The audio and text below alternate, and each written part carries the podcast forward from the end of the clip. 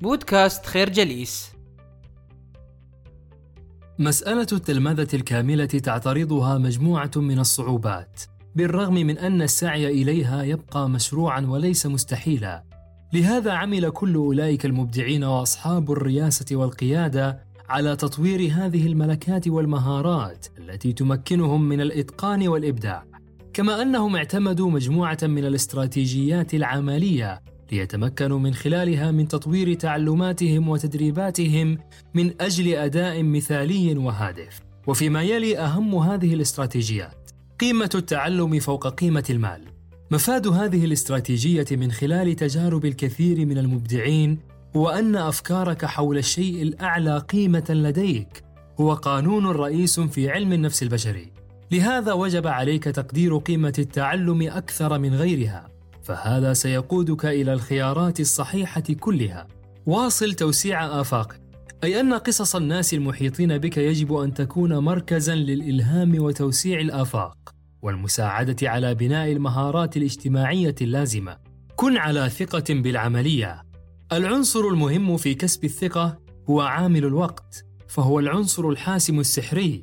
فكل مهارة تحتاج وقتا لتصبح جزءا من نفسك ومن جهازك العصبي. درب نفسك بالإخفاق. وهذا يلزمه النظر إلى الأمور من زاوية التعلم من كل فشل تصادفه. أي أن تكون لديك روح المغامرة والجرأة. فإذا فشلت فعلى الأقل تكون قد تعلمت ما لا يخطر لك على بال من التجارب والخبرات. الجمع بين كيف وما. الجمع بين الكيفية والماهية أمر في غاية الأهمية. فهو يمكن الإنسان من اكتساب معرفة أعمق. أو بالأحرى معرفة شمولية أكثر تنوعا لمجال عمله. تقدم بالتجربة والخطأ. هذا الأمر يعني أن تتعلم من المهارات ما يمكنك تعلمه متبعا الاتجاه الذي تقودك إليه الظروف. الفكرة للحصول على تلمذة مثالية يلزم اكتساب مجموعة من الاستراتيجيات العملية لا يمكن لإنسان أن يعيش في هذه الحياة دون بوصلة تساعده على تحقيق أهدافه وتحفظ مصالحه. لهذا فالكثيرون منا يقضون وقتا طويلا في مسارات الحياة دون أن تكون لهم القدرة على الإبداع والإتقان. وهنا يأتي دور الاستفادة من التجارب والخبرات التي راكمها المبدعون وأصحاب الرياسة والقيادة لكي تعثر وتجد دليلا يرشدك في متاهات المجتمع وتعقيداته. فالمرشد الخاص يوجهك إلى الخيارات الصحيحة ويسدد مسيرتك نحو الأهداف المرجوة. وعن طريق هذا التفاعل الحاصل بينكما تتمكن من تحسين أدائك وزيادة مردوديتك وإنتاجيتك. هكذا كان المبدعون وهكذا كان رواد الأعمال والفكر في كل مسارات حياتهم. ولتحقيق هذا الهدف تذكر بأن الهدف الأول من حياتك المهنية هو اكتساب المعرفة بأكثر الطرائق الممكنة، وهذا سيدفعك إلى التعرف على مرشدين خبروا هذه الطرائق. وما يزيد الحاجة إلى الدليل والمرشد هو أن الحياة في جوهرها قصيرة الزمن، ولا يمكن أن يعرف فيها الإنسان كل شيء، فهو دوما في حاجة إلى غيره ليمنحه بعضا من تجاربه ومعارفه ومعلوماته عن هذا الشيء أو ذاك. وإضافة إلى ذلك، فالمرشدون يملكون طرقا مختصرة وفعالة وهم يبسطون العملية بالشكل الذي يجعلها فعالة ومناسبة وأكثر ثراء. الفكرة اختيار المرشد والدليل خطوة نحو ربح الوقت في هذه الحياة القصيرة. نمضي في هذه الحياة دون بوصلة ولا اتجاه تعترضنا مجموعة من الصعوبات والتحديات التي يفرضها علينا المجتمع بتعقيداته وعلاقاته الاجتماعية. ولعل أخطر شيء يهدد وجودنا النفسي والجسدي في هذه الحياة هو أننا نتعرض لاستنزاف حاد نتيجة تعاملنا مع أشخاص يتلاعبون بعواطفنا أو يعارضون مواقفنا. وإذا لم ننتبه إلى هذه المعارك الفارغة فإننا قد نغرق عقولنا في مستنقعات لا تنتهي وهنا تكمن أهمية الذكاء الاجتماعي. فما المقصود به؟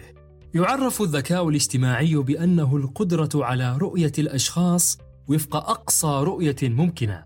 فعندما نتجاوز مثاليتنا فإننا نتمكن من قراءة الآخرين وفق رؤية موضوعية تراعي السياقات الاجتماعية المناسبة. وهنا يمكننا أن نرجع إلى تاريخ الإنسانية الخالي كي نرى كيف طوروا ملكة الإحساس بمشاعر الآخرين. وذلك برؤية الأنماط المتعددة في سلوك الناس واستنتاج الدوافع منها. وبمرور الزمن أصبحت هذه الملكة أكثر قوة ودقة. الفكرة الذكاء الاجتماعي يجنب الإنسان خوض معارك وهمية. الناس في هذه الحياة تكتسب المهارات والتقنيات وأساليب العمل المختلفة غير أنها تصبح أكثر إتقانا كلما حددت الوجهة بشكل دقيق.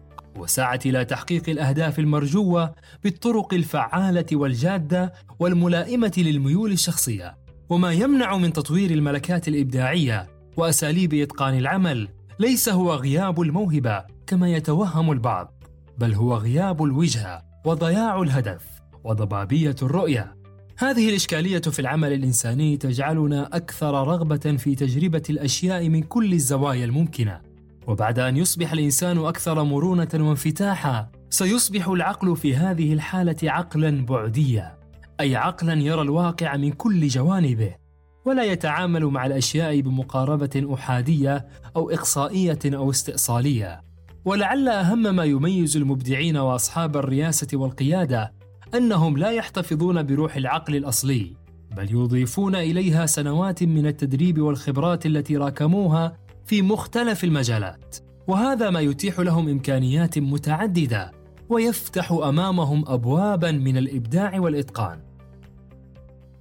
الفكرة إيقاظ العقل البعدي يجعلك ترى الواقع بمنظار شامل. نشكركم على حسن استماعكم. تابعونا على مواقع التواصل الاجتماعي لخير جليس. كما يسرنا الاستماع لآرائكم واقتراحاتكم. ونسعد باشتراككم في البودكاست.